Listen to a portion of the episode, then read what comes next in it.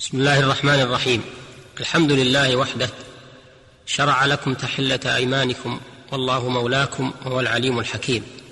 الصلاة والسلام على خاتم النبيين وإمام المرسلين نبينا محمد وعلى آله وصحابته ومن تبعهم بإحسان إلى يوم الدين.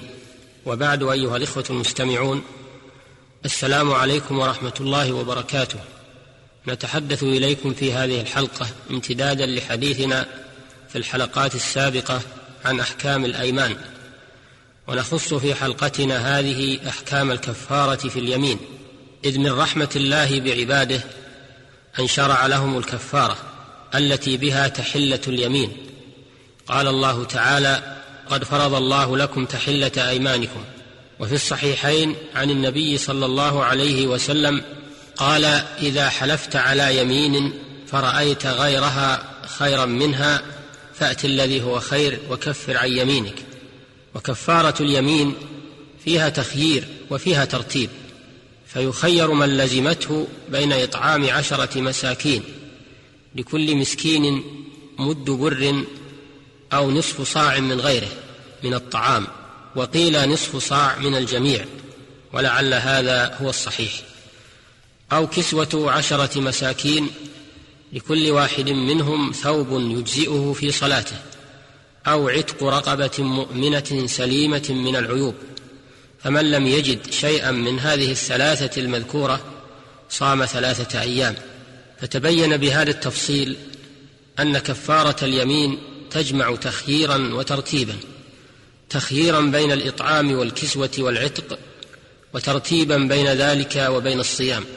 والدليل على هذا قول الله تعالى فكفارته إطعام عشرة مساكين من أوسط ما تطعمون أهليكم أو كسوتهم أو تحرير رقبة فمن لم يجد فصيام ثلاثة أيام ذلك كفارة أيمانكم إذا حلفتم. ومعنى الآية الكريمة إجمالا أن كفارة ما عقدتم من الأيمان إذا حنثتم فيها إطعام عشرة مساكين من أوسط ما تطعمون أهليكم أي من خير وأمثل قوت عيالكم أو كسوتهم مما يصح أن يصلى فيه أو عتق رقبة. واشترط الجمهور كونها مؤمنة. وقد بدأ سبحانه وتعالى بالأسهل فالأسهل. فأي هذه الخصال فعل أجزأه بالإجماع. واشترط الجمهور في صيام ثلاثة, ثلاثة الأيام أن تكون متتابعة. لقراءة عبد الله بن مسعود رضي الله عنه فصيام ثلاثة أيام متتابعة. وهنا يغلط كثير من العوام فيظنون أنهم مخيرون بين الصيام وبين بقية خصال الكفارة فيصومون مع قدرتهم على الإطعام أو الكسوة أو العتق.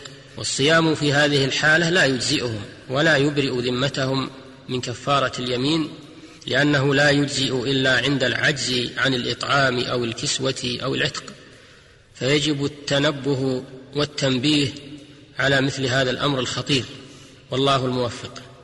أيها المستمعون الكرام اعلموا أنه يجوز تقديم الكفارة على الحنث ويجوز تأخيرها عنه فإن قدمها كانت محللة لليمين وإن أخرها كانت مكفرة له.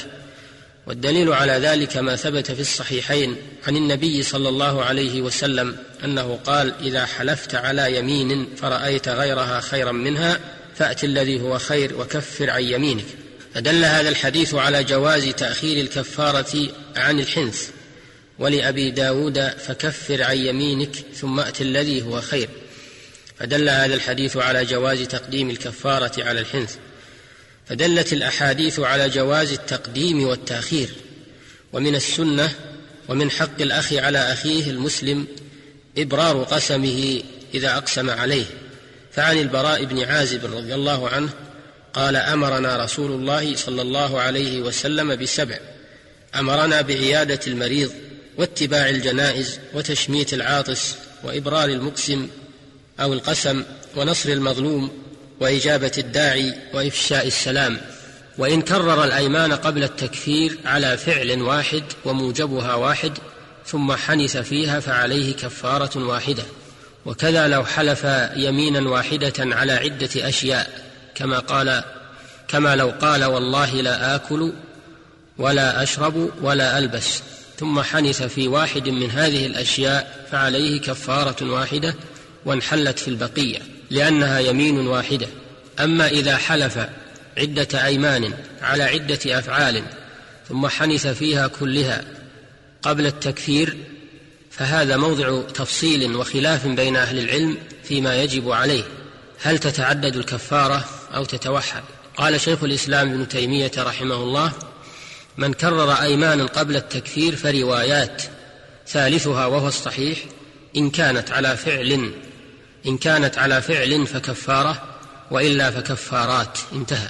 وإن حلف لا يفعل شيئا ففعله ناسيا أو مكرها أو جاهلا أنه المحلوف عليه لم يحنث ولم تجب عليه كفارة لقوله تعالى ربنا لا تؤاخذنا إن نسينا أو أخطأنا ولأن فعل المكره غير منسوب إليه وقد رفع الله عن هذه الأمة الخطأ والنسيان وما استكرهوا عليه. وقال شيخ الإسلام ابن تيمية رحمه الله إذا حلف على إنسان قاصدا إكرامه لا يحنث مطلقا إلا إذا كان قاصدا إلزامه فإنه يحنث انتهى. أيها المستمع الكريم يقول الله تعالى بعدما ذكر, كفا بعدما ذكر كفارة اليمين واحفظوا أيمانكم فأمر سبحانه بحفظ الأيمان ومعناه عدم المسارعة إلى اليمين أو المسارعة إلى الحنث فيها أو أنها لا تترك بدون كفارة وعلى كل ففي الآية الكريمة الأمر باحترام اليمين وعدم الاستهانة بها ومما يجب التنبيه عليه أن بعض الناس إذا حلف يحتال على مخالفة اليمين ويظن أنه بهذه الحيلة يسلم من تبعتها. وقد نبه الإمام ابن القيم رحمه الله على ذلك بقوله ومن الحيل الباطلة لو حلف لا يأكل هذا الرغيف أو لا يسكن هذه الدار أو لا يأكل هذا الطعام قالوا يأكل الرغيف ويدع منه لقمة ويدع منه لقمة واحدة ويسكن السنة كلها إلا يوما واحدا ويأكل الطعام كله إلا القدر اليسير منه ولو أنه لقمة. وهذه حيلة باطلة باردة. ومتى فعل ذلك فقد أتى بحقيقة الحنث وفعل نفس ما حلف عليه. ثم يلزم هذا المتحيل أن يجوز للمكلف كل ما نهى الشارع عنه عن جملته. فيفعل فيفعله إلا القدر إلا القدر اليسير. فإن البر والحنث في الأيمان نظير الطاعة والمعصية في الأمر والنهي ولذلك لا يبرأ إلا بفعل المحلوف عليه جميعه لا بفعل بعضه كما لا يكون مطيعا إلا بفعله جميعه ويحنث بفعل بعضه كما يعصي بفعل بعضه. انتهى كلامه. ومن الناس من يحلف على عدم فعل شيء مثلا ثم يوكل من يفعله بدلا عنه. وهذا من الحيل التي لا تبرئ ساحته من تبعة اليمين إلا إذا كان قاصدا عدم مباشرة فعل الشيء بنفسه فله ما نوى. وعلى كل حال فشأن الأيمان شأن عظيم لا يجوز التساهل به ولا الاحتيال للتخلص من حكمه. وإلى الحلقة القادمة بإذن الله. والسلام عليكم ورحمة الله وبركاته. والحمد لله رب العالمين وصلى الله وسلم على نبينا محمد وآله وصحبه.